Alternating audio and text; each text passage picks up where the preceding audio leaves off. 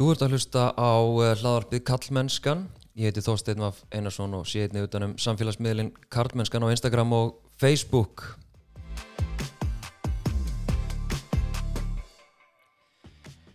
Í dag ætla ég að spjalla við hana Ásu Steinarstóttur en hún starfar á uh, samfélagsmiðlum. Um, hún er með 445.000 fylgjendur á hérna, Instagram og 200.000 á TikTok. Uh, velkomin Ása. Já, takk fyrir það. Við hérna hittumst í kaffi um, um daginn og áttum mjög áhugavert spjall og hérna og við höfum líka aðeins verið að spjalla já bara á samfélagsmiðlum svona um jafnréttsmál og, og hérna og þína upplifun af þessum karlæga heimi af því að þú ert að þú starfar henni daldið á karlægum í karlægum heimi er það ekki? Jú, ég hef myndi segja mjög svo. Hvað hérna, sko ég ætla ekki að segja það hérna, hvað þú starfa við, ertu til að lýsa bara fyrir okkur, hvað, í hverju fælst starfið content making á, á hérna, samfélagsmiðlum? Já. Sko, starfið mitt er ekkert ólíkt því sem að fer bara fram á eins og auðlýsingarstofu til dæmis. Og þaðan er líka minn bakgrunnur en ég er bara í því að búa til efni fyrir bæði sjálfa mig en líka fyrir fyrirtæki. Og hef kannski aðalega sérhæft mig í bara markasefni fyrir netið og samfélagsmiðla, jáfnvel þó að kemur alveg fyrir að fyrirtæki prenti ljósmyndina mínar í hefðbundi prent eða jáfnvel í sjómasauðlýsingar. Þannig að ég líti á mig bara sem svona litla auðlýsingarstofu og gera allt frá því að ljósmynda fyrir fyrirtæki, gera vídeo en líka aðstöði við að búa til efni fyrir samfélagsmiðla. Að því núna sjáum við bara markasetning er að breytast, hún er svolítið að færast frá hefðbundi miðlum yfir á netið og samfélagsmiðla. Og þetta er svolítið svona öðruvísi markasetning þannig að já, það kemur oft uh, fyrirtæki sjá oft hagi því að fá mig til að aðstöða þú veist, sérstaklega fyrirtæki alltaf til dæmis að fara að markasetja á TikTok, þú veist. Hvernig byrja þau eða á Instagram? Og þá hjálpa ég mikið til við það en svo að því líka meðan stóra fylgjendafjölda að það koma líka einn verkefni það sem að það ásýr bara stað auðlýsing í gegnum mína miðla. Þá er fyrirtæki bara að nýta sér uh, þann fylgjendahóp sem ég er með og er bara að tala til hans í gegnum mig. Einmitt. Maður er svona kannski vanar að sjá einmitt hérna, fólk með stóran fylgjendahóp á samfélagsmiðlum vera eitthvað svona með sponsað dæmi Mhm. svona. en þú ert meira í því að búa til content sem að aðri sem byrta hjá sér eða ekki?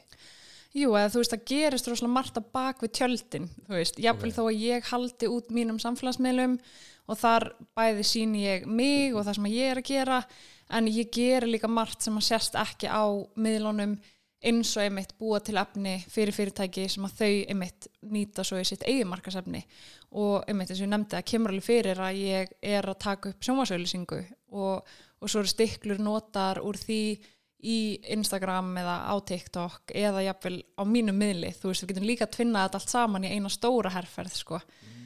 dæmi um það er að ég gerði síðasta sumar með visit hérna vatnajökull. Hérna, hérna þjóðgarðurinn að þá gerðum við svona litla ferðaþætti saman og, hérna, og þá nýttum við bæði mína miðla en þau byrti þetta líka á heimasíðinu sinni mm. og í sponsum auðlýsingum á netinu þú veist, áður en horfa á YouTube myndband þá kemur kannski vídeoauðlýsing og, og það var verkefni sem við gerðum saman bara innan vatnajökulsþjóðgarsins en, en hver er munurinn á að þú sagði sko, þú, þú ert í rauninni lítil hérna auðlýsingarstofa mm -hmm. hver er munurinn á til og með þessum, við erum með stóra auðlýsingarstofur hérna á Íslandi, Mhm. alltaf bara um allan heim þú veist, þú ert að vinna á alþjóðlegu leveli. Hver er munurinn uh, á þér og síðan þessum auðlýsingarstofum Já. Um, að mörgu leiti kannski ekkert svo mikill munur en það sem að ég uh, hef nýtt svona sem mitt hérna, sem minn sölupúnt er að um, hérna, ég er meira á ferðinni og meira sveigjanleg í raun- rauninni þannig að ef að til dæmis fyrirtæki vill fá efni frá náttúrun á Íslandi að færa auðlýsingastofu eða fá auðlýsingastofu til að fara af stað getur verið rosalega hefði og dýrt og kostnaðasamt um. en að fá mig sem er alltaf á ferð og flugum landi okkar er á vestfjörðum og ég er oft við aðstæðir sem eru einstakar, þú veist, eins og þegar glitskín komu til dæmis, þá var ég út á landi eða þegar eldgósið hérna hefst, þá er ég eins og með eldgósið, þú veist, ég var eina fyrsta fólkinu á vettvang, þannig að skilju, ég er mjög, hérna, ég er mjög sveianleg og um, já, þannig að svona, það er það sem ég hef nýtt sem sölupunkt að ég er alltaf að fara á flugi þannig að ef þú ætlar að fá auðlýsingastofu að gera það sem ég er að gera þá er það mjög kostnæðasamt og oft mikið skriffinska og, og þannig sko. Já, einmitt. Og það var engin tilviljun að þú varst eh, eina af þeim fyrstu á, á staðin í hérna þegar eldgósið byrjaði? Nei, það það var hérna um, ég var mjög þakklátt því sko að þarna komur saman ofur konur sko, fjóri kvennkens ljósmyndarar mm. og ein þeirra sem heitir Helen og, og er með fyrirtæki í hérna, að hún er búin að mynda öll eldgós síðustu, þú veist, hún er búin að mynda öll síðustu fimm eldgós held ég. Þannig að þegar hún fór að heyra á einhverjum gósóra á Reykjanesi þá bara ringd hún í þyrlu fyrirtækin og sagði bara ég ætla að vera fyrst í loftið þegar þetta að stað þannig að þegar eldgósi fyrir að staða þá er bara fyrsta þyrlan til einhver henni okay. og, hérna, og hún var svo ríkala næs og bauð mér að koma með sem var náttúrulega bara klikkuð upplifin sko. og svo sagður mér einmitt hérna að sko aðstæður hérna þú veist eins og bara við tökum með eldgósið þú veist mm -hmm. við kannast öllu eldgósið sem er í gangi núna Já. að þú veist þú, þú mæti fyrsta staðin og svo ert að fara þarna reglulega mm -hmm. er það ekki? Jú. Verði nokkuð skipti og ég hafði til dæmis ekki ég hef enga einsinn í þetta og ég hafði ekki átt um á því þú sagðir að þarna vorum við öll í sömu línun að taka sömu myndir mm. þannig að það er bara fullt af fólki eða hvað, var ég að miskila þig? Hvað áttu við? Í sama bransa á þú? Já, já, já, já Ég meina þegar þetta gerist þá er allur minn bransi að keppast við að komast á vettvang og ofan á það að vera fyrstur á vettvang sko, mm. að því hérna, þú veist, ég meina ég þrýfst í þessum efnisköpunar heimu og samfélagsmiðla heim og það er mjög auðvelt fyrir mig að sjá þennan hóp sem að þrýfst í þessu og við fylgjumst allir með hvort öðru en, en það er kannski ekki eins augljóst fyrir utanakomandi en auðvitað það eru allir að keppast að komast og, og ná myndunum og líka bara hver er fyrstur út með myndirnar skilur, Já. þær komast í pressuna erlendis og fara væral og þetta getur náttúrulega bara hjálpað manni gífulega að vaksa, þú veist, vaksa á samfélagsmiðlum, fá PR skilur, þannig að þetta er alveg svona mikilvægur viðbyrður sko Einmitt. Þannig að þú ert svona alltaf á tánum og, og ertu líka sjálf bara að ferðast og hérna sapna þér kontenti og þannig áttu eitthvað banka af efni, eða hvernig virkar þetta? Já, sko þessi heimur er alveg flókin og hann er mjög svona, þú veist, ég er alltaf bara að lifa og þrýfst í þessu en ég finn það svona margir sem að kannski skilja ekkit einmitt alveg hvað maður er að gera og minnst einmitt besta lýsið sem þannig að, að ímyndaði bara ég sé auðlýsingarstofa ég er í endalösum samskiptum við fyrirtæki sem er að hafa sambandi mig og ég er að pizza tilbaka og já, að sjálfsögðu er ég að vinna mér upp bara stóra, stóra banka af ljósmyndum og vídeoefni og það kemur fyrir að fyrirtæki vilja kaupa að mér vídeoefni eða ljósmyndir og enn meira núna, þú veist, með eldgósið það, þú veist, er búið að ræða við mig um að maður byrta mínu vídeo á Times Square í New York til dæmis okay. þannig að þetta er alveg stórt sko. Þú, hvernig kom það til? Það var bara fyrirtæki sem að ætlara í smá auðlýsingaherferð og er með skjáðarna sko. Ok, já. og bara hei Ása Já, veist, já, það er náttúrulega það er sem að pá, hérna um, kraftur samfélagsmiðla veist, hjálpar til við að, að þar er fólk að fylgjast með manni og fyrirtækir að fylgjast með manni.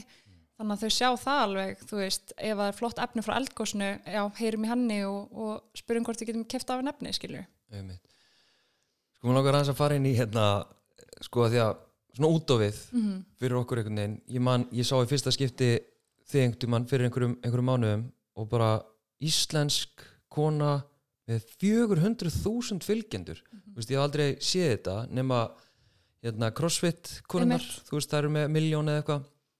Og hérna, að ég hafði aldrei heyrt um þig. Ég haf aldrei einhvern veginn hérna, heyrt nafnið þitt og hérna meðan þú svo áhugavert. Og svona út af þá, þá lítur þetta út fyrir bara hérna, að þú set svona sönnun þess að, að feminismin og jafnbryttsbarðan sé bara óþörf. Hér skarar þú fram úr uh, í svona karlægu samkjæfnisumhverfi Uh, ég menna að mörguleit er það þannig mm. menna, þú ert að skara fram úr þú ert að vinna með reysastórum fyrirtækjum og hérna og ert svona, já ég veit ekki eina af þeim bestu í þessu eða hvað, hvernig metur þú þig? Um, ég met mig þannig að ég er í þessum ævintýra og útivista ljósmynda heim, þú veist, það er mitt, mitt svona nýs í rauninni Okay. og það eru ansi margir um, frægir karlmenn í þessum bransa og kannski eitt þá þekktasti heitir Chris Burkhardt og hann var og er búin að vera hér á landinu, hann var að hjóla í gegnum hálendið frá hérna Norður Íslandi gegnum hálendið niður á Suðuströnd á Dýrhóli Okay. hann er með þú veist þrjár miljónum fylgjenda og svo eru margir svona minni sem fylgja honum. En þaðan svona sprettur þetta upp að þú veist vera ljósmynda ævintýri út í náttúrunni þú veist Þar, þetta kom mjög eðlislegt fyrir mig vegna þess að ég var alltaf út í náttúrunni að kajaka, skýða í tjaldútlegu með fóröldurum mínum og ég byrja að ljósmynda, þú veist, mjög ung. Þannig að fyrir mér kom þetta bara svona náttúrulega og hérna, þegar ég var að byrja þá fannst mér ég bara vera að finna upp hjólið sko. en svo fann maður svona nokkra akkánta sem voru að gera svipað. En það er þannig að það eru mjög fáar konur að gera það sem ég er að gera og ég get bara talið það, þú veist, á tveimur höndum hversu margar þær eru og hvað þá innan Evrópu, þú veist, ég held við einu svona tíu, sko. En þetta eru þær sem að út sem að sér af sig í að vera að nota myndalabúnað þú veist, ég er með myndal í höndunum daglega, erum að fljúa drónum við erum að skapa efni um, þannig að þú veist já, og þetta er eina það sem að strákanir er að gera líka. Og hérna þannig að mjög svona mikill græju heimur, þú veist, maður vill vera með besta ljósmyndabúnaðin, maður vill læra á drónana. Og þannig að svona já, ég með mína svona sérstöðu er að bara ég er eina af fáum konum sem er að gera þetta og örugla með þeim stærstu sko, ég held ég þórilega að segja það að ég er þú veist hraðast vaksandi kvenkins ævintýra ljósmyndarinn sem er í Evrópu núna, skilur hraðast Ok. vaksandi ljósmynd, kvenkins ljósmyndarinn. Ok, og, hann að og hvernig, hvernig er upplifunin að, starfa e, í þessum já, karlæga heimi? Já, hann er búið að vera mjög áhugavert og þú veist, fyrst til að byrja með þá kifti ég mér ekkert upp við það vegna þess að ég hef alltaf verið svona strákastelpa, vinkonurnar hafa alltaf kallað mig, sko, hún er hérna, hvað kallaðar mig aftur? Hérna, hún er strákastelpa í svona skvísu gerfi, Mm. kölluð alltaf vinkonum mínar, að því var alltaf svona reyna að vera skvísa en samt hérna algjör strákastelpa, sko Mm. og hvað svo sem að það nú er þú veist að við skulum kalla þetta það en ég hef bara alltaf haft mjög mikinn áhuga á ljósmyndun markasetningu, útivist og hérna um, vá, hver á spurningi núna ég glemti Já, mér bara svona upplifunin, sko, vera Já, já. í svona karlægum heimi. Já, þannig að hérna, já, það sem ég ætla að segja er að um, já, ég hef alltaf verið svolítið í svona á karlægum stöðum vegna þess að ég menta mig sex ár í háskólum í Reykjavík og fyrir fyrst í verkfræði, klára hana og fyrir síðan í tölunafræði, klára hana og mínir flesti vinir innan hérna, háskólans voru kallar Mm. og þannig ég er mjög vön því að vera alltaf svona eina strákonum, ég mann þegar fórum í útskrifaferð þá endaði ég með þú veist 13 gaurum í London og ég var eina stelpan og það voru bara ég og strákarnir skilur og vorum bara eitthvað að rölda á milli bara og eitthvað og mér er alltaf bara liður rosa eðlilega í þessu umhverfi og það sem ég fann alltaf í tölvunafræðinni er að maður var rosalega kvattur áfram sem stelpa vegna þess að það var mjög lítið að konum í tölvunafræðinni á þeim tíma og það var oft verið að nefna við mig þú veist, það er ekki ólíklegt að þú munum bara fá atvinnið tækifæri áður en að þú útskrifast. Þannig að þar fann ég alltaf fyrir svona jákværi kvartningu að vera kona í kallægum heimi. Og líka var alltaf með þá trú að Ísland væri bara mjög hérna já, rétti væri náð á Íslandi og við værum voða heppin, þú veist, hér. Svo stýi inn í hennan auðlýsingabransa og ljósmynda heim og fer að vinna fyrir auðlýsingastofu og það var svona fyrst þá sem ég fór að taka eftir í rauninni ekki jákvæðri kvartningu úr umhverfinu. Eins og að sitja á sölufundum og það verið að ræða að ég ætti að fara að mynda eitthvað verkefni og það var alltaf verið að tala um hvað ég væri með góðan ljósmyndabúnað alltaf ég ásaði með rosalega góða myndavél. Hún bara myndælennar tekur frábærar myndir. Við ættum að fá hana í þetta verkefni. Þannig að það var aldrei rætt um að ég væri góðu ljósmyndari að því, þú veist, ég var ekki mentaður ljósmyndari en, en rosalega hérna, ástriðu fullum að ljósmynda. Þannig að það var bara gert ráð fyrir að myndæli mín væri svona góð. Shit. þannig að hérna, þá fór ég svona fyrst að bara velta fyrir mér sko fyrir mér bara svona muni kynjana sem ég hafði aldrei gert áður sko, ekki fyrir henni stígin í þennan heim. Og síðan er ég í þessari stöða, ég er að skara fram úr ég er með stóran fylgjendahóp og það er mjög fáar konur. Þannig að ég hef fengið ímis tækifæri, alveg bara, bara klikku tækifæri eins og að vera bóðin til alpana af Audi að ljósmynda nýjustu bílana þeirra. Ég hef unnið fyrir Mercedes-Benz, ég hef unnið fyrir DJI drónafyrirtækið. En sama tíma hefur alltaf verið samt eitthvað smá óbræði kringum þetta að því ég man til dæmis þegar ég var ráðin af Audi var hann alltaf rosalega spenntur og hérna og bara, þú veist bara hoppandi hæð sinna yfir þessu tækifæri og svo man ég þegar ég lendi hérna í Þýskalandi og það tekið á móti mér að þá er það fyrsta sem er sagt við mig eitthvað, já veist það, okkur, okkur vantaði þessu konu. Að hérna, við fundum þig alveg bara síðustu stundu og þegar maður fær svona þetta komment þá svona veit maður ekki alveg ef það er að reyna að rósa manni? Er ég aðna bara að því þeim vantaði að jafna einhvern kynjakvóta, þú veist? Þannig að þá fær maður smá svona já, fyrir aðeins að hugsa sko, ok áhugavert. Þannig að þú svona þínu upplifun er að því að þið mitt, þú varst í tölunafræðinni og verkfræðinni og, og hérna þá svona kvartning að vera kona í Mhm. sem geira og svona það voru skilabúðin þú veist, hérna, framtíðinu björt fyrir þig einhvern veginn. Og svo ertu mitt stór á, á samfélagsmiðlum og fær verkefni og þá einhvern veginn fær þetta svona þetta svona öfugsnúið svona, já, við þurftum einhverja konu. Já, það er svona eins og hérna ég veit það ekki. Það, er- já, það er eitthvað svona öfugsnúin jafnbreytsvingill í þessu. Já, og ég meina, og hvernig lifir manni? Þú ert þarna ádífur samband, þú flýgur til Þískaland þú ert lent. Já, hérna okkur vantaði konu. Þú veist, hvað hvað hugsaður sko ég hef alltaf verið svona rosa mikið mús og svona kettlingur og, og stundum, þú veist, ég veit ekki, skammast mín fyrir að pæla í jafnbrettismálum þú veist, ég veit ekki, það er eins og samfélagi sem búið að teikna upp eitthvað svona að maður megi nú ekkit vera að pæla í þessu eða tjá sig um þetta. En núna því lengra sem hefur liðið á mína reynslu í þessum bransa þá er ég bara farin að taka eftir ákveðnum merkjum og tækifærum að þetta er engin tilviljun lengur, þetta er bara mjög skýrt. Þannig að á þessum tíma þá náttúrulega bara hugsaði ég með mér bara ok, þú veist, ég, ok, ég skil það ég, hérna, ég er þarna því þeim vantar konu og, og spurði ekkert frekar út í það og, og mér allt svo magnað að þeim finnst þeim svo knúin að segja mig frá þessu sko, geta þið ekki bara sleppt því til dæmis, en þetta verður alveg 100% komið fyrir oftar en einu sinni að ég fái þetta komment já, síðan hérna í svona, þú veist, þú er líka verið í verkefnum ég meina þarna færðu bara þú veist, að ég er svona velta, velta þessu fyrir mér hérna, ég er svo oft með haustnum hérna orðræðuna sem er kannski dálítið sterk á Íslandi og jafnvel víðar að jafnbreytti hafi verið náð. Að hérna kyn skipti ekki máli. Að við þurfum ekki lengur þessa öfgafullu rótækni í jafnbreyttsmálum að hérna feðraveldi sér bara ímyndun og allt þetta. Um, og svo einmitt koma svona alls konar hérna upp og maður svona ímynda sér já einmitt, vá, bara hérna menna þetta snýst bara um að við séum bara dugleg. Við bara hérna okkur eru allir vegi færir og við þurfum bara dugleg og vera framúskarandi og þá bara veist, það er engar kerfisbundnar hindranir einhvern veginn, það er svolítið svona kannski orðræðan á Íslandi. Um, en ég veit að, að þín reynsla varpa ljósi á eitthvað annað. Svona það sem að þú eru fenginn vegna þess að þú ert stór og þú ert góð í því sem þú ert að gera. Og þú hefur ákveðna væntingar um tækifæri sem að hafa kannski ekki alveg farið eins og þú sást fyrir þér. Mm -hmm. Þannig farið við það?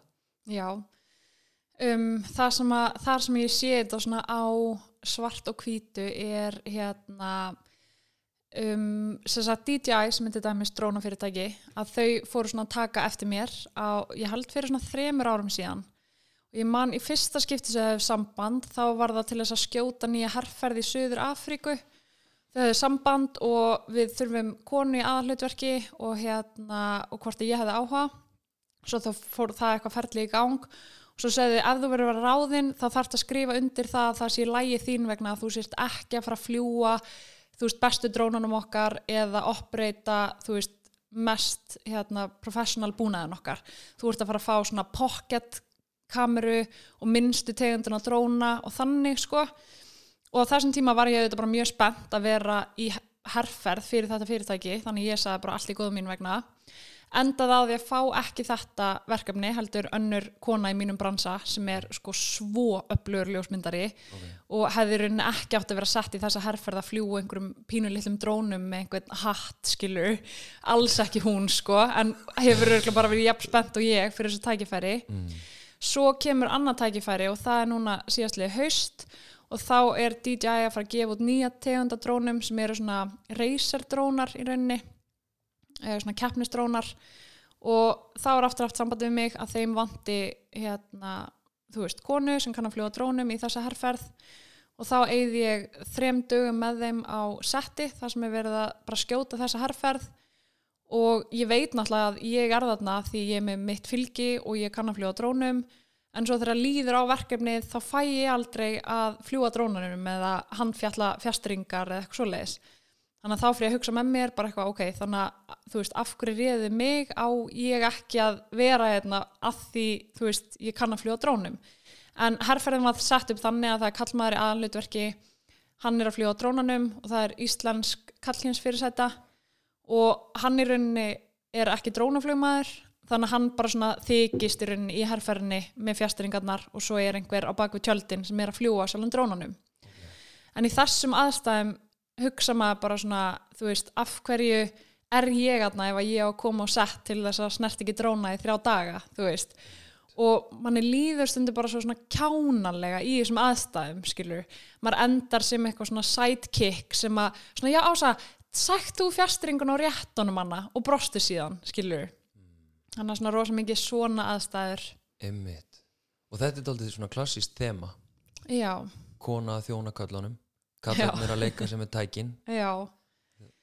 Og það versta er líka, þú veist, ef maður skoðar Instagram síðan að þeirra að það eru aldrei konur í markasefni þeirra, bara aldrei nánast. Og nú erum við að fletta svolítið svona á Instagram síðan þeirra, það er alltaf kallmenn að fljúa drónum og það getur vel verið að, að kallmenn séu starri hluti kaupenda. En hvernig gera þeir ráð fyrir því að fleiri konur fara að kaupa sér dróna eða sjást aldrei í markasefni, þú veist, er þetta ekki svolítið svona það er, það er engin vísindi sem að segja það við að allar konur sem er aðna úti í efnisköpun í ljósmyndin og vídeogerð sé ekki að nýta sér dróna í þeirri efnisköpun eins og kallarnir eða skilur það ákveð að vera neitt kynjamunur þannig á milli Einmitt. en hvernig er sko að þú, talar um í, í podcastum daginn hérna mm. eigin konur mm -hmm. og þá varstu svona að lýsa einmitt svona svipuðu sko að uh, hvernig þér er einhvern veginn svona þér er bóðið hérna svona krúttækin svona eitthvað svona minnitækin þú ert sett í þessar aðstæður að vera hérna já eins og hérna sagan með, með kajakin mm -hmm. þú veist það sem varst að var það ekki kajak orðlega? Jú það sem varst, já það er eitthvað trilltar aðstæður og þér langar að taka góða myndir og svo varst þú alltaf í orðið mótelið mm -hmm. og hérna og það tekið einhver geggjumynd og þú férst eiginlega ekkert út úr í það því að þú varst bara mótelið sett í þar aðstæður sko ég ég bara, nú er ég að velta fyrir mér þetta er karlægur heimur mm -hmm. og jábel, ég, ég ger ráð fyrir að, að það hefur myndast svona vinasambönd inn í þessum bransa veist, þá millir þín og kallana mm -hmm. er það ekki? Jú uh, segja þeir ekki neitt? Nei, nefnilega ekki sko, því nú er ég líka svona aðeins farin að opna umræði á þetta sko og hérna og ég mitt fyndið dæmi að einn þeirra ringdi í mig gær og við vorum bara eitthvað að spjalla. Og svo var ég myndið að ég var að ræða við hann um hérna kannon ljósmyndafyrirtæki sem sagt á Norðurlöndunum. Mm. þannig að ég skýt á kannon og draumur minn eru þetta að verða eins og að kallast kannon ambassador. Mm. þá í rauninni er kannon að marka setja í gegnum ljósmyndara með mikið fylgi og Canon Nordics er nú þegar að vinna með íslenskum karlkynsljósmyndara okay. ég hafði samband við Canon Nordic fyrir ár síðan og þau sögðu nei varðandi mitt búið þá. Og núna er ég aftur að hafa samband við þá. Og gott að nefna það að ambassadornir þeirra eru 90% konur og 81% kallar okay. þannig ég hef bendið má þessar tölur þú veist, er þetta eðlilegt? 2021, 19% versus 81% mm og ég var bara svona að ræða þetta við hann. Og hann kommentar já, þetta náttúrulega fer ekki vel í mína konu, sko. Og þá sagði ég við hann þetta ætti heldur ekki að fara vel í þig skilur, að þetta sé svona. Eða þú veist, þetta er ekki bara vandamál kvenna. Og þá hlóa hann eitthvað svona, já, já, já, ég er náttúrulega brjálæðir, þú veist. En þetta finnst mér einmitt svo fyndið að, að núna þegar maður opnar þessi eitthvað aðeins með þetta að þá er feedbacki frá köllunum sem er í kringum hann já, þetta náttúrulega pyrrar þig þú veist, en þá spyr ég bara tilbaka þetta ætti samt líka að pyrra þig skilur einmitt, einmitt.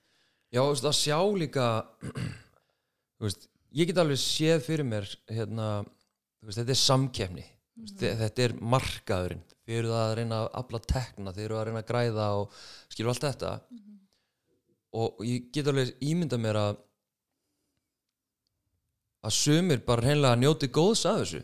Já, skilur og af hverju á ég að fara hérna, eitthvað svona, já, nei hérna, hvað er, að, hvað er að gera þessar konur, hérna æ, skilur við, Já. að þeir eru bara að njóta góðs að því, nefnilega sko. En er það sko, er það réttlætanlegt? Ég bara, nú er ég bara að tala um svona réttlætis pælingar þeirra kalla, ég menna ég reikna með því að það séu einhver íslenski kallar í þessu líka og hluti af menningunni sko, að viðhalda þessari menningu. Er það bara siðferðislega eða ég veit ekki samvinskulega réttlætanlegt að hérna heyra þína reynslu horfa á heiminn og sjá hvernig hann er kallaður og það er kerfisbundið verið að útiloka eða jaðarsetja konur í þessum bransa. Þú veist, er maður bara já, ég meina það er þurfa bara að vera duglegar. Ég meina, ég ætla ekki að vera með eitthvað vesen. En sko þetta er einmitt dæmi sem að þegar ég var að byrja í því sem ég er að gera að þá va- voru enga konur byrjaðar í þessu á Íslandi. Og sá orðrámur fór svolítið að stað þegar ég byrjaði. Eitthvað svona já, ég veit nú ekki alveg hvað hún er að reyna. Þú veist, maður er náttúrulega vandræðilegur í byrjun þegar maður er að byrja. Mm. og ég man að það fór einhver svona sögursagnar að stæja, hún er ekkert að fljúa drónanum það er hérna kærastun hennar og, og þetta er bara svona einhver myndalig skvísa sem vill bara láta mynda sig. Voru sko sögur bara fyrir sex árum síðan þegar ég var að byrja í þessu og ég man hvað ég var leið yfir þessum sögursögnum og ég var að reyna að komast inn í strákaklíkuna að það voru bara strákar í þessu þá.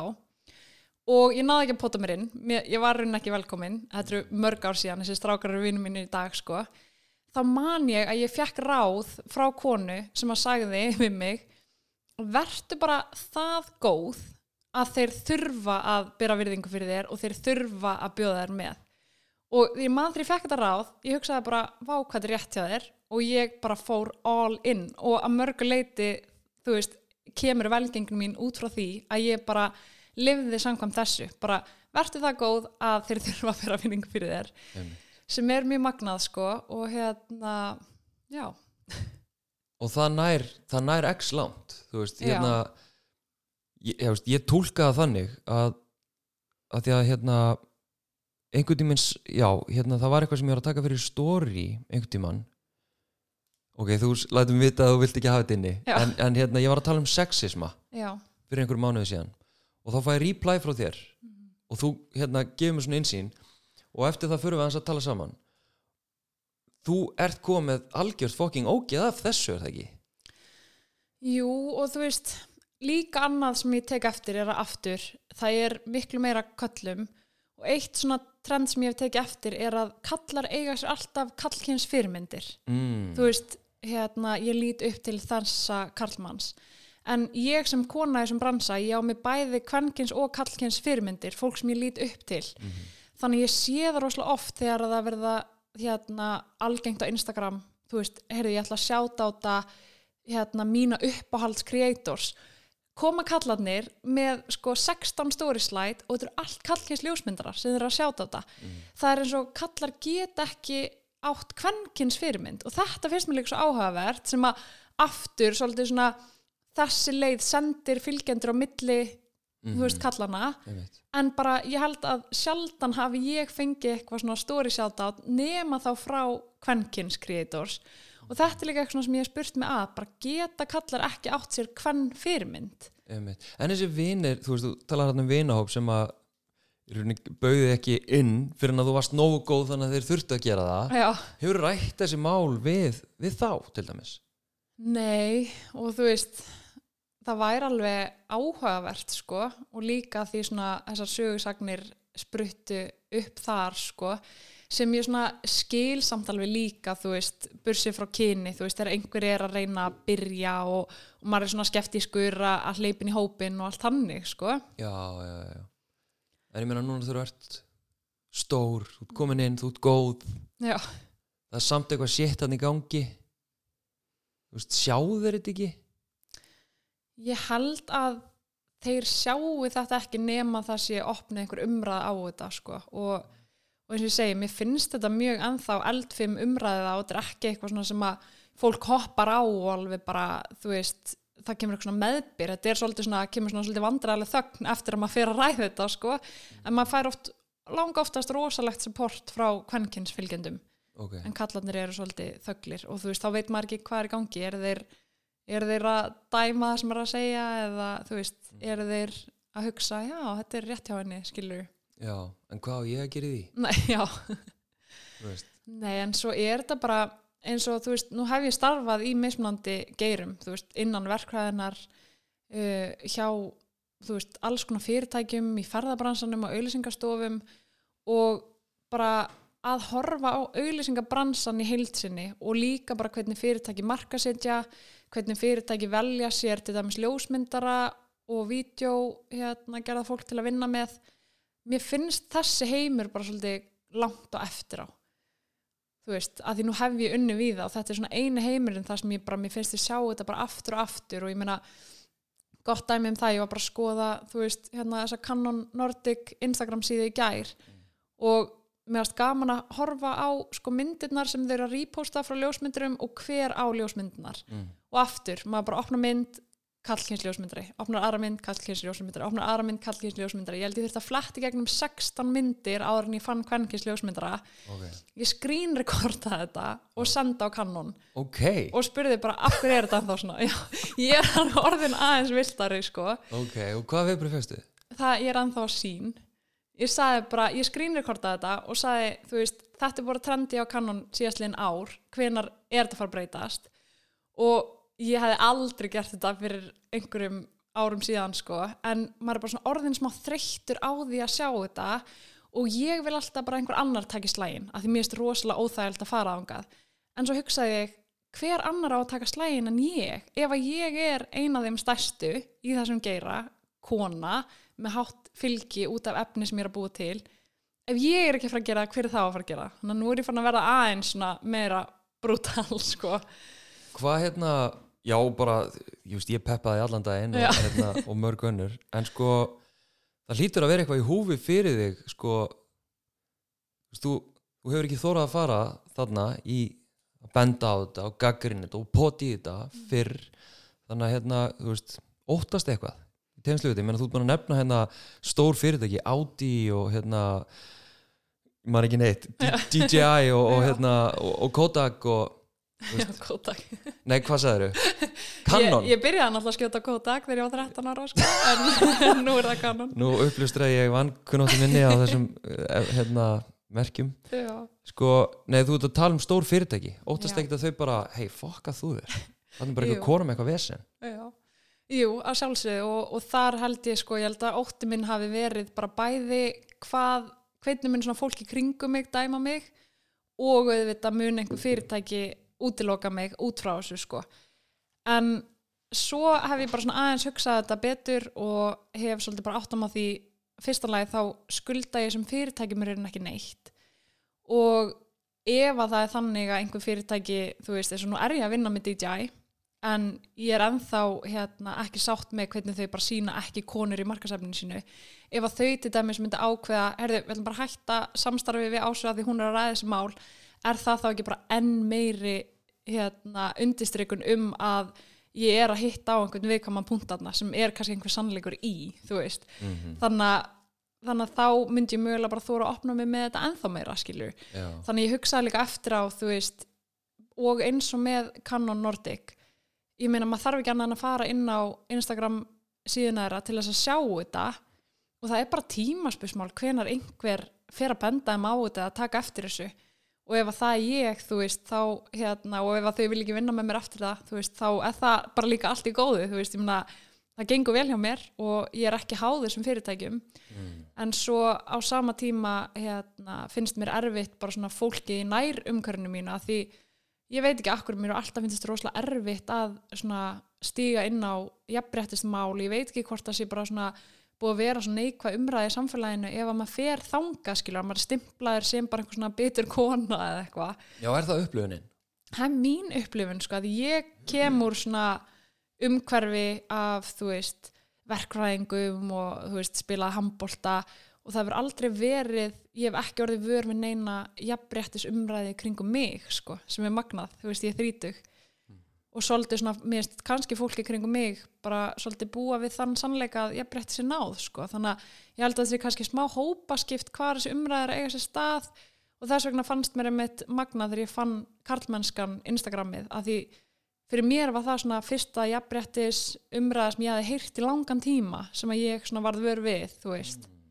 Mér finnst það svo klikkað af því að, þú veist, einmitt ég er að, ég er að koma í kjölfarið á hérna, og, kemur í kjölfarið á sko brjálaðislega svona rótækum hérna, aktivisma kvenna, þú veist, og svona háværari hérna, jafnbreytt sparóttu uh, bara síðustu ár, þú veist, höfum hátt og náttúrulega MeToo á Íslandi út um allan heim um, alls konar svona uh, veist, Hildur Lillindal náttúrulega með hérna, kalla sem hata konur og veist, svona, bara það er heil áratugur af einhverju eða, veist, og ég hef ekki verið lengi sko, í þessum jafnbrettis hérna, málum.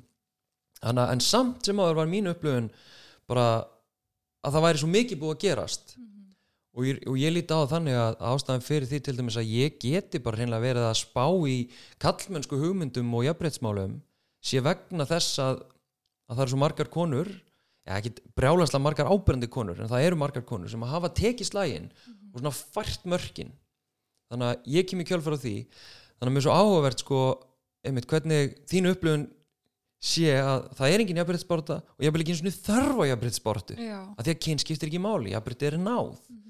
Þannig að þú ert svona að lýsa því kannski að kyn hefur ekkert skipt máli og, og jafnbreytti sé náð og við þurfum ekkert að vera að berjast í einhverju veist, þetta er bara, þetta er bara eitthvað reyðar bitrar konur já, sem að þurfa að gera þetta. Og við erum bara með eitthvað vesen. Þangað til að þú finnur þetta bara á einn skinni og þá, leita maður þetta uppi kannski já, einmitt, það leita maður uppi og, og líka, en á sama tíma hlýtur að vera pínu hvað ég segja, svona það hlýtur líka að draga pínu úr þér ef að þetta er upplöfunin af þessum konum sem að hafa baristur jafnbrytti og ég byrð fólki sem baristur jafnbrytti að það séla bara með vesen eitthvað svona óþvart vesen. Já. En ég held að það sé aftur bara að það er talað um að við séum í svona, til dæmis á samfélagsmiðlum að þá erum við með okkar svona búblu. Þannig að þú veist oft er maður með vini og vinahópa og svona á samfélagsmiðlum sem að deila svipum lífskoðunum eins og maður sjálfur og þá maður alltaf bara mataður sömu lífskoðunum aftur og aftur já, já, veist, og líka Facebook algoritmin, hann pikkar alveg upp, hann matar þig því sem að þú heldur að þú hefur áhuga á og ég held bara mín búbla ræðir bara ekkert mikið jafnbrettismál eða veist, þannig að, þannig að það hefur ekki verið mikið kringum mig, skilur, auðvitað hefur maður heyrt um, þú veist, Hildi Lillendal og, og MeToo, en þetta er ekki svona í mínum, í minni búblu er þetta ekki hávart, þú veist. Nei, nei, nei, mitt Og hvernig er þá, ég meina hvernig er umhverfi, ég meina nú ertu fann að tala um þetta, þú ert búin að mæti í já, hérna, allavega eitt podcast og, og hérna, og tala þú veist, þú bara þú varst pínu að pota í því podcasti um daginn og, og þú ert svona farin aðeins að tala um þetta og poti í ekki Kodak, heldur Canon og hérna, og ég veit að þú hefur potað í fleiri fyrirtæki hérna með þetta.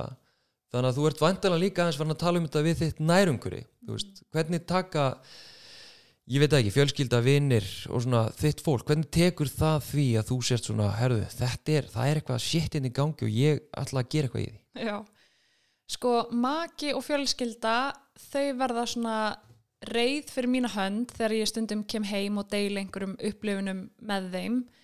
Og þau sjá það alveg svona mjög á svart og hvítu að þetta er ekki alveg hérna jafnbretti en síðan þegar ég fer eitthvað svona að ræða þetta og mögulega tala um þú veist, já, ætti ég að fjalla um þetta þú veist, ofinberlega eða á mínu Instagrami að þá reyna þau að halda aftur af mér sko, og bæði sko sérstaklega pappi og kærastinn, þeir hafa svolítið svona já, ég veit nú ekkit hvort ég myndi vera að ræða þetta, þannig að þeir eru stressaðir fyrir mína hönd að fara eitthvað að tala um þetta ofinberla.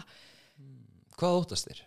Ég held kannski bara einmitt að vera stimplaður eitthvað, er, er það ekki bara stimplaður bitur kona? Eða er það ekki bara svona sem er óksla magnað skilur, að, að það sé svona mikil svona silencing effect skilur, að maður skulle bara í alvörinni þú veist, einmitt vera stressar að ræða þetta, en, en það er að koma smá meiri kjarkur í mig og eins og með kannon, þú veist, ég sendi þeim prívat skilabóð um eitthvað sem er bara, bara sjáanlegt á þeirra miðli, ég menna ég skrínrekorta bara þeirra miðil, Mm þú veist það er ekkert eitthvað mega róttækt, þú veist, ég er bara að benda þeim á það sem að er, Já. það sem að þau er að byrta, þú veist, Einmitt, á vinalegan hátt, skilur, þannig að Og er sín? fæ sín En hvað, og hvað er, þú veist, sérðu fyrir einhverja svona, einhverja frekari róttækni? Það er að sprengja þetta upp einhvern veginn? Ég veit það ekki, þú veist, að hérna, innstinni að þá langar mig bara að vera fyrirmynd fyrir unga konur sem að vilja fara inn í heim efnusköpunar, vídeogerð, ljósmyndun uh, mér langar að vera með kursa mér hefur oft langað að þá í gegnum þessa kursa tala til hvenna um, ég hef stopnað fyrirtæki sem heitir Bell Collective sem er hérna, samfélag fyrir kvenkins ljósmyndar á content creators. Ok, við gáum út bók þar sem voru 15 kvenkins ljósmyndarar. Ok, hún var gefin út í Evrópu. Og hérna og svo bók fjallaði líka um það að brjóta upp staðalímyndir kvenna á samfélagsmiðlum. Að konur geta ná, náða langt á samfélagsmiðlum út frá hæfileikum þú veist að því staðalímynd kvenna á samfélagsmiðlum er svolítið bara að þú þart að vera þú veist myndaleg kona og þú veist þannig ná árangri en En Bell Collective var stopnað með því hugafari að hérna, já, brjóta þessar staðal ímyndir á samfélagsmiðlum. Til dæmis ein, einn ljósmyndarinn sem er tilheyri þessu samfélagi, hún býr í mið-austurlöndum, klæðist svona, þú veist, að bæja og burku og flýgu dróna, skilur, ógæslega mögnuð típa, þú veist, Já. bara fljúa dróna í eðimörkjunum í mið-austurlöndunum í burku og hún er til dæmis í þessari bók, hann er bara svona að brjóta upp þessar staðalímyndir hvað konur geta gert á samfélagsmiðlum. Þannig að mitt markmið er nú kannski ekki eitthvað að vera eitthvað mega róttæk að benda á jafnrétti heldur meira þá bara þú veist vera innblástur fyrir konur. Og mér er svo áverð að í þessu að því að, veist, mín upplifun og, veist, og það er náttúrulega bara mi mitt sjónarhóttn einhvern veginn. Svona mín upplifun er einmitt að ef við tölum um svona stóra, ég veit ekki, áhrifavalda að það svona sé frekar, það byggir einhvern veginn frekar á einmitt útlitinu og ekki, ekki bara kvenkins, veist, mér veist ég líka að segja þetta pínu í svona hérna hjá körlum til dæmis sem eru stórar, þeir svona þeir eru að byrta myndir af sjálfum sér þeir eru fallegir konundar eru fallegar, þær eru einhvern veginn að spila á kynþokkan og það er svona hluti af ég veit ekki, þeirra efnissköpun á samfélagsmiðlum. Veist, það er svona, ég veit ekki hvort það sé gamaldags hérna, áhrifavalda ímyndin sem ég er með í haustnum eða eitthvað, en síðan höfum við önnu dæmi, en hérna það sem ég fóruðunum að því að þetta, veist, staðalmyndir uh, fordæmin, þau sem hafa farið á undan okkur, eitthvað svona veg það náttúrulega hefur áhrif á mann. Upplifið þú einhvern tíman svona innri pressu með þér að vinna með þá sjálfa þig, þú veist. Og einhvern veginn þitt að píl og þú veist, að þú ert að tala um þú vilt búa til flotta myndir og, og náttúruna, skilur það sem þú ert að gera en finnur þessa pressu svona lauma staðir já, klála og maður þarf svolítið að vera var um þessa pressu líka vegna þess að sko minn draumur og ástæðin fyrir að ég fór þessa leið er einfallega að mér dreymdi um að vera ljósmyndari fyrir National Geographic. Ok, það hefur bara verið minn æsku draumur og ég las fyrir mörgum árum síðan hver væru skilirði þess og það var háskólapróf og fimm ára reynsla af ljósmyndun. Og helst háskólapróf í einhverju sem var ekki tengt ljósmyndun, heldur verkfræði eða vísindum. Þannig að ég var alveg góður leið að bara, einmitt, verða qualified til að verða National Geographic ljósmyndari. Og ég myndaði til dæmis einu sinni fyrir National Geographic nema það var undercover og svona anonymous að ég var að mynda hérna kvalveðar á Íslandi. Ah, og myndirna voru byrtar en aldrei í mínu nafni að því ég svona vissi ekki alveg hvað afleggingar myndi að hafa í för með sér. Ok. Þannig að ég byrjaði svona að vinna að þessu markmiði. En svo fara samfélagsmiðlarnir mínar að vaksa og svona skapa mitt eigi fyrirtæki kringum það og þá kemur þessi pressa um að sína sjálfan sig og mögulega vinna með útlit og okkur svo leiðis þannig að stundum þarf ég bara að stoppa mig af og muna, þú veist, hverjir eru mínu draumar. En það leiðilega er að ég hef til dæmis verið að mynda hnúubaka á Íslandi, þú veist, kvali ég hef myndað á með drónum að ofan, náð klikkuðum ljósmyndum og vídeoefni, ég hef náð oftar en einu sinni hnúubak að hérna, hoppa og náð því mómenti fullkomlega og gjössamlega bara hoppað af æsingi þegar ég næði þessu myndum Já. og svo spennt að byrta þær já, og þær ná, þú veist, helmingunum af lækunum og kommentum heldur en ljósmynda mér á einhverju svartri strönd, skilur já, það Já, þannig að, þú veist, auðvitað hryggir það mig að hvala myndir skulle fá færri læk heldur en mynd af mér, að því fyrsta læk það er mjög auðveldra að taka einhverja mynd af mér á reynisfjöru heldur en hval, skilur. Þannig að lækin og algoritmin hann stýrir manni svolítið hvert maður byrtir sko. Þannig að áður fyrir var ég mjög ströng á því nei, ég ætla ekki að byrta sjálf mig ég ætla bara að byrta landslá í Íslandi. En svo bara áttaði mig á því með tímanum að það hagna, ég hagnast alveg á því að sína mig vegna þess að á samfélagsmiðlum þú færði verkefni út frá því að vera með persónuleika þannig að þú ert bara að mynda pjúra landslagsmyndir þá færðu ofta ekkert mikið af verkefnum. En þegar fólk er verið að tengja andlit og persónun á bakvið þá færðu að fá alls konar tækifæri mitt með þú veist, útivistafatnað, smerkjum eða annað sem, a, sem að tengja þig og þinn lífstíl.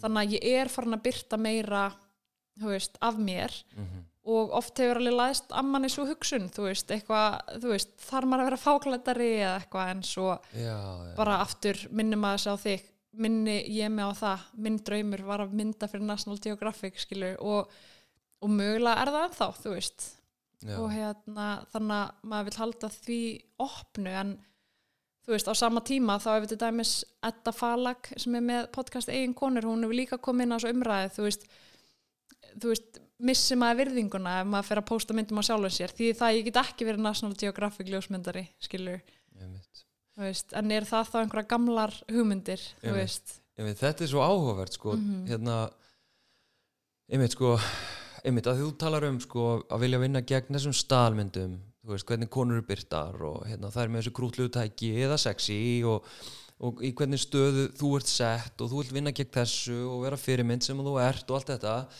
En svo finnur þið líka uh, þú vilt sko vera stór, þú vilt halda nafninu, þú vilt fá fleiri verkefni og vera stærri og, og þannig færðu draumana þina skilur, þannig eldur hérna, draumana þina en svo er þetta svona að fara að fara í ringin sko, byrju, ef ég verð svona stór með því sem að þeim leiðum sem eru færar er ég þá kannski að útiloka mig frá draumanum þú veist, þetta er, þetta er brjálið dilemma.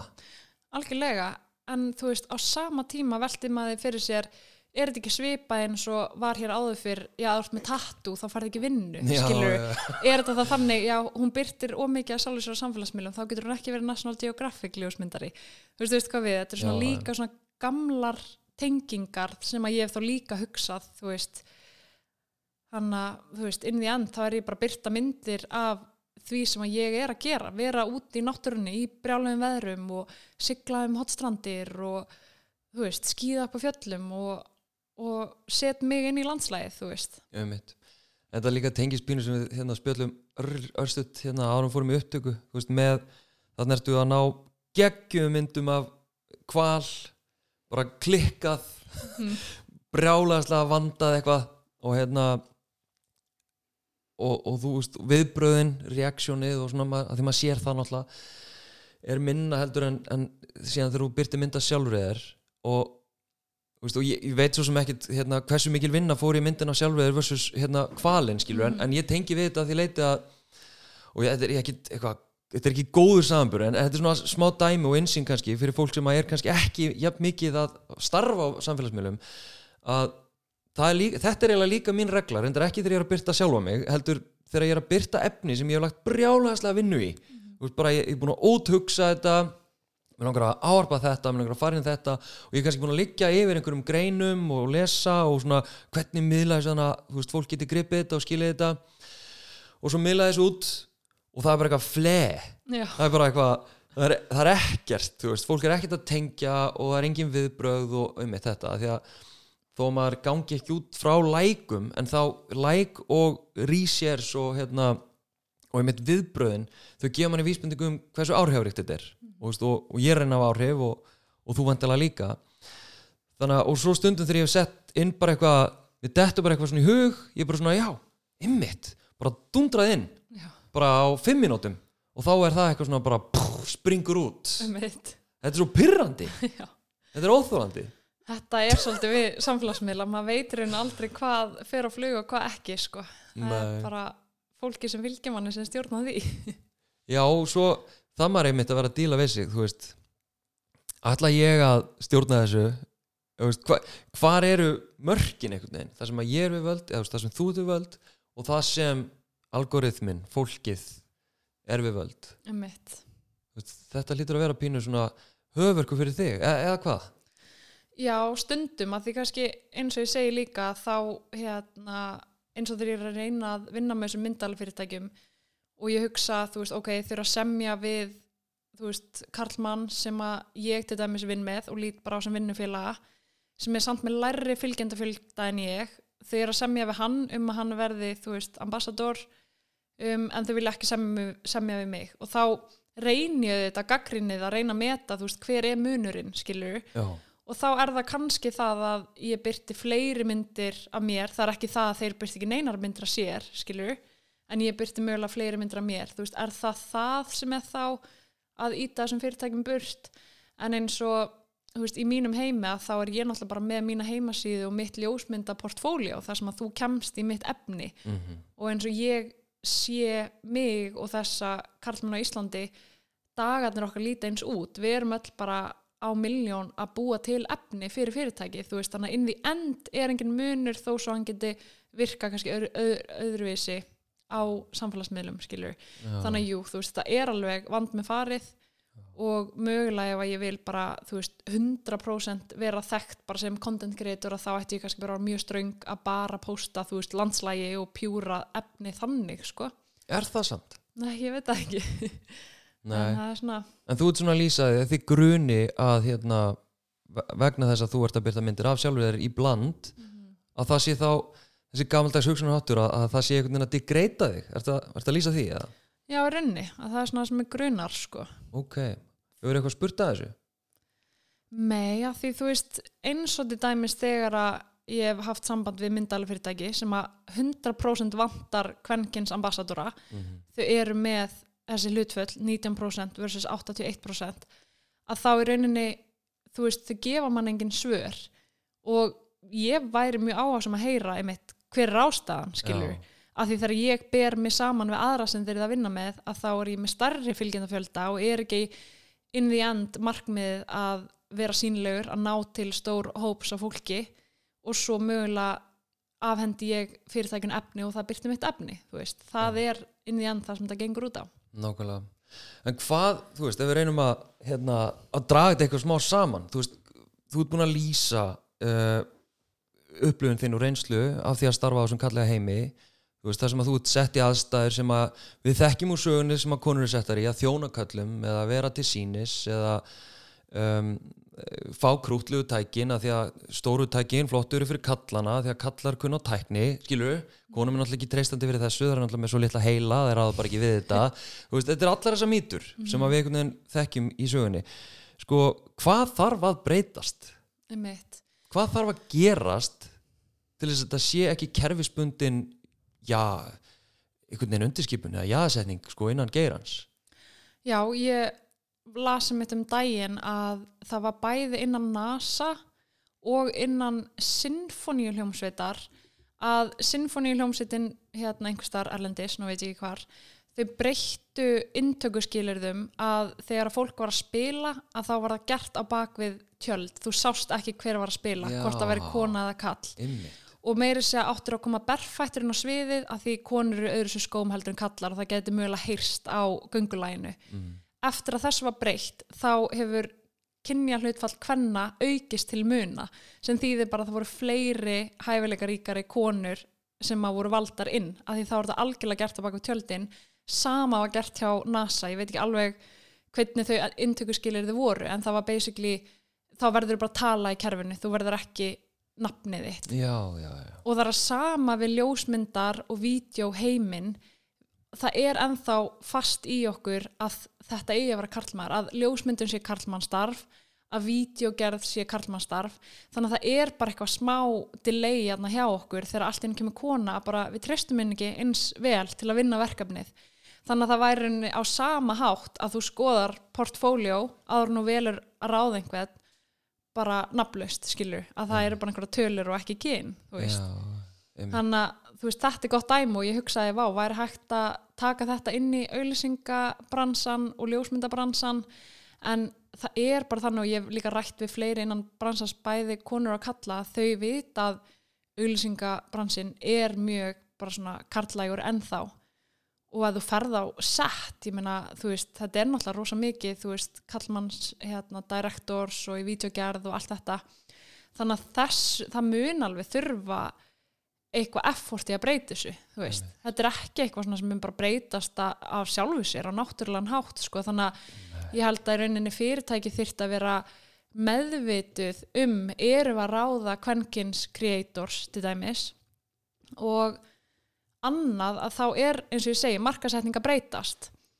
Þú veist, við erum orðin minna meðtækilega gagvart hefðbundum auðlýsingum þannig að auðlýsingar eru núna gerðar í gegnum einstaklinga sem eru með fylgja á samfélagsmiðlum og ég meina ég sé það vegna að ég er með stóran fylgjendahóp og ég fann alltaf bara ógrinna fyrirspyrnum um að auðlýsa húðvörur, fatnað rosalega mikið og ég get ímynda mér að kallarni fá ógrinna fyrirspyrnum að auðlýsa nýjastu linsuteknina, nýjastu ljósmyndavélina sem er að koma út, nýjasta drónan.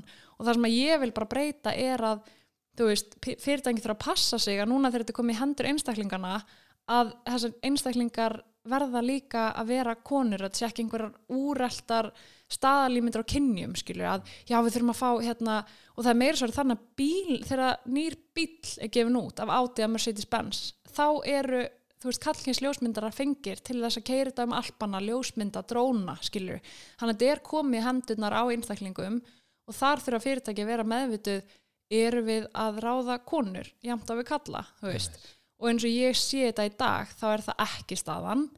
Og ég sem að er eina af þeim fáum í þessar stöðu, ég þarf að pota mér inn, ég þarf að berjast fyrir því í þessi ráðin skilur og, og eftir að ég næ stundum að vera með smá sölu ræðu hérna gagvart fyrirtækinu að þá það virkar oft skilur og endanum hérna eru þau sammála, bara við þurfum 100% meira gender diversity, þú veist. Einmitt Þannig að þetta er bara mjög merkilegt og já, fyrirtæki þurfa að vera meðvitið að markasetning er að breytast og þá á sama tíma þurfum við að vera vörum þetta og ekki falli einhver svona eldri grifjur, þú veist. einmitt, þannig að þetta er að lýsa eins og ég skildi þetta sko þessu gildismati, þessum, þessum hugmyndum okkar um kyn Já, og hæfni kynja og árið 2021 við erum, þú veist, ég hef heyrt þessa frasa það er árið 2002 og við erum ennþá, þú veist, við erum búin að nota þetta að því við upplöfum alltaf að við eigum að vera komin lengra. Núna er 2021 og jafnréttis baróta, kynja jafnréttis baróta hefur verið sko mjög hávær og rótæk og náð vissulega alls konar fram hérna víða um heim. En við erum samt ennþá með þessa leifar af þessu gildismati. Hvernig við horfum á kynin þar að segja hæfni kalla á kvenna og, og hérna hvað við getum ætlast af þeim og svo framvis eins og þú hefur að lýsa alveg mjög skýrt. Þannig að þá er ég líka bara að velta því fyrir mér það sem við erum svona skemur á veg komin hvernig ætli það sé þá að vera svört kona í bransanum, brún kona í bransanum? Uh, skilur, ef við breytum inn, nei, hérna, ef við setjum inn fleiri breytur sem að svona, við aðgreinum ykkur út frá eða erum aðgreind út frá hver eru tækifæri þeirra skilur Ummitt. Og þetta er líka sko ábyrrandi í bransanum sko bara hversu ótrúlega einhæft þetta er ennþá. Þú veist þegar að vera að gefa út nýja bíla, gefa út nýja ljósmyndavélar, gefa út nýja dróna, það eru alltaf, þú veist, þessi sami hópur sem að er andlit þessara herrferða á samfélagsmiðlum. Þú veist, það er alltaf sömu aðlánum veitt þetta sem eru væntalega vestrænir, hvítir, karlmenn. Um, en það eru nokkuð fyrirtæki sem eru meðvitað um þetta og háværi rattir og ég sá til dæmis um daginn útivista merki sem að heitir hérna uh, góður hvað heita þeir? Ó, nú man ekki hvað þeir heita. En þeir voru sérst að gefa út bara stóra herrferð sem var bara diversity in the outdoors. Mm. og það var, þú veist, þá konur og kallar af alls konar hérna bakgrunni, þú veist, svartar konur og asíska konur. Mm.